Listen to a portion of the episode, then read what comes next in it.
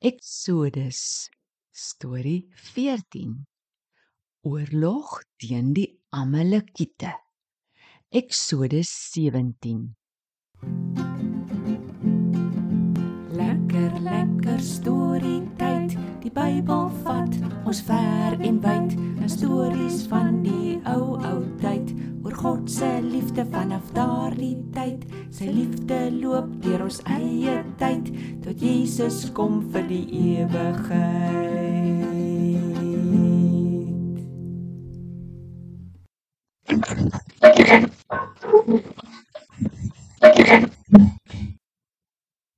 Tobias, wat gaan aan? Dit klink soos oorlog. Hallo. Hallo julle almal. Nee, dis darm nie oorlog nie. Dis net my hondjie dat sy waterdak onderste doe gehardloop het. Daddy, dat is oorlog nou eintlik. Tobias, dit is as een groep mense besluit hulle wil 'n ander groep mense se land hê. Hulle stuur dan soldate om te gaan veg om die mense se land te vat. Ja. Dat's daar oorlog in die Bybel se tyd ook. O ja, daar is baie oorlogstories in die Bybel. Miskien kan ek vandag vir julle een vertel. O ja, asseblief.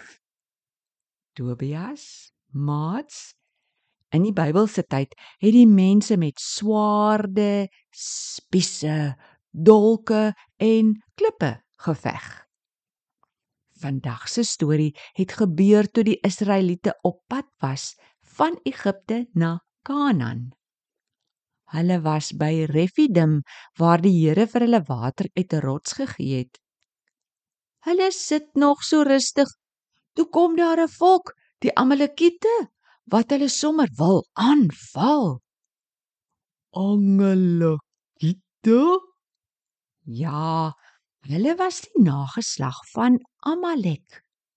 Hy was Jakob se broer Esau se kleinseun.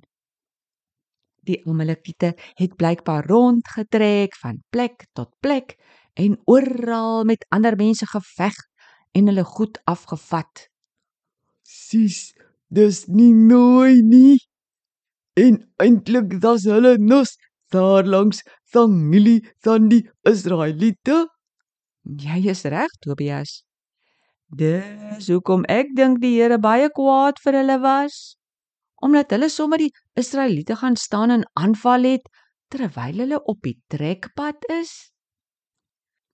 Maar nou ja, toe Moses nou sien hier kom moeilikheid, het hy vir 'n jong man, Joshua, gevra hy moet die Israeliete goed deurkyk. Hy moes vir hom soldate uitkies om die volgende dag te gaan veg teen die Amalekiete.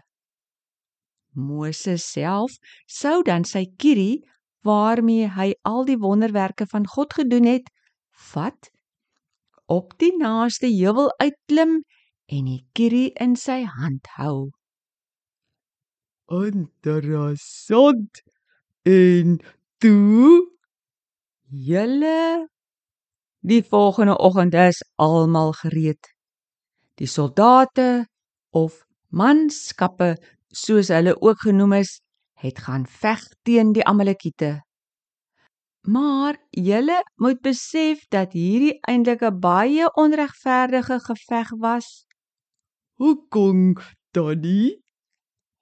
Die Amalekiete was gewoond aan veg en die Israeliete glad nie. Soos ek sê, die manskappe gaan toe na die gelykte om te veg en Moses, Aaron en Hur gaan na die naaste heuwel toe. En daar begin die geveg. Die Amalekiete was woes en wreed. Daar was 'n geskreeu en 'n geraas. Moses het sy kierie in die lug opgehou na God toe. die drie manne op die heuwel sien hoe die Israeliete kliphard terugveg en die Amalekiete bietjie vir bietjie laat agteruitloop. Dit lyk so waar asof Israel die sterkste was in die geveg. Maar toe kom daar 'n foutjie. Moses se arm word moeg. Hy laat sak dit om bietjie te rus en o aarde daar sien die drie dat dit lyk asof die Amalekiete nou weer die sterkste is. Ja, dit kan nie.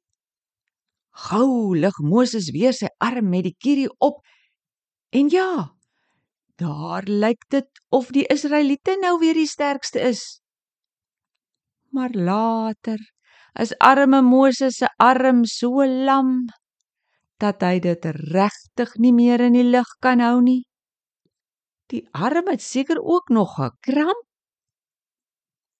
Aaron en Hur dink toe baie vinnig. Hulle moes nou hier help of hier kom vandag 'n baie groot fout. Hulle kyk rond en een sien 'n groot klip raak. Hy beduie vir die ander een en hulle tel die klip op en sit dit agter Moses neer. Hulle help hom toe om op die klip te gaan sit. Hoe het dit gehelp? Tobias, toe kon Aaron en Hur baie maklik langs Moses gaan staan. Een regs en een links. Hulle vat toe sy arms en hou dit regop. En terwyl hulle dit so regop hou met die kierie in Moses se hand, bly die Israeliete die sterkste.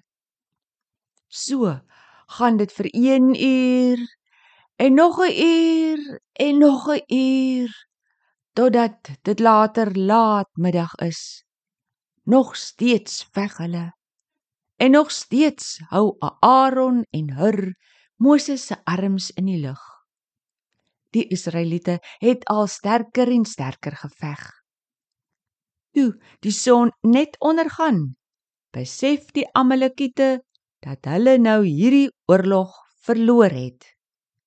Die paar soldate wat oor was, moes seker maar vinnig huis toe hardloop. Die Here het gesê Moses moes dit opskryf en vir Joshua lees. God sou die hele volk van die Amalekiete laat uitsterf omdat hulle so wreed was met Israel en ook ander volke. Moses het ook 'n altaar gebou en dit genoem Die Here laat my wen.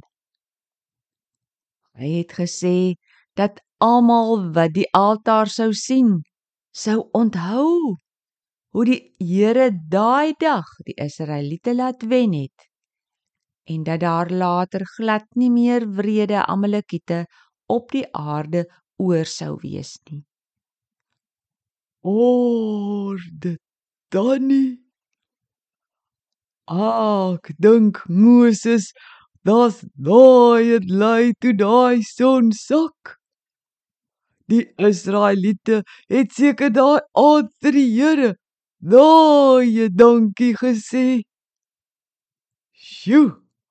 Ek gaan nou vir my nooitjie vertel van God dat die Israeliete so op allerhande maniere gehelp het. Gods, ek is so jonger, maar ek en tannie Karen moet nou ongelukkig groet ons wil gou hier kom. Onthou tog om elke dag vir die Here dankie te sê vir die daai maniere daarop hy al nou help dat ons dra. Ons groet julle dan. Dutzins.